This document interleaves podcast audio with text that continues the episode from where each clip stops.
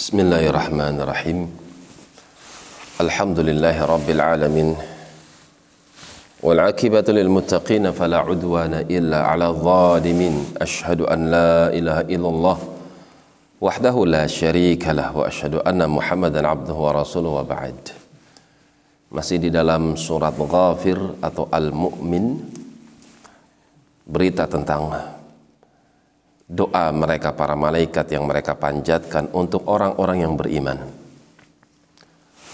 Rabbana wa adkhilhum. Wahai Allah Tuhan kami Masukkanlah mereka orang-orang yang beriman. Semuanya. Jannati adn. Masukkan mereka ke dalam surga adn.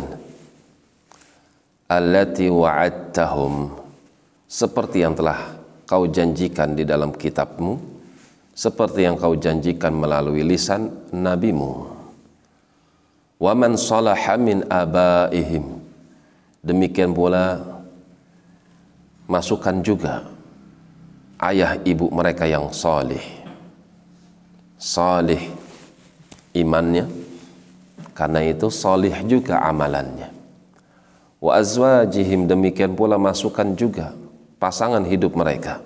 Yang salihah, yang salih akidahnya, imannya, dan salih juga amalannya. Wa dzurriyyatihim dan masukkan juga anak keturunan yang salih. Yang salih imannya salih juga amalannya. Innaka antal aziz karena sungguh engkau ya Allah maha perkasa tidak akan pernah dikalahkan oleh sesuatu apa pun. Al-hakim yang maha bijaksana yang telah meletakkan segala sesuatu sesuai dengan kemaslahatannya.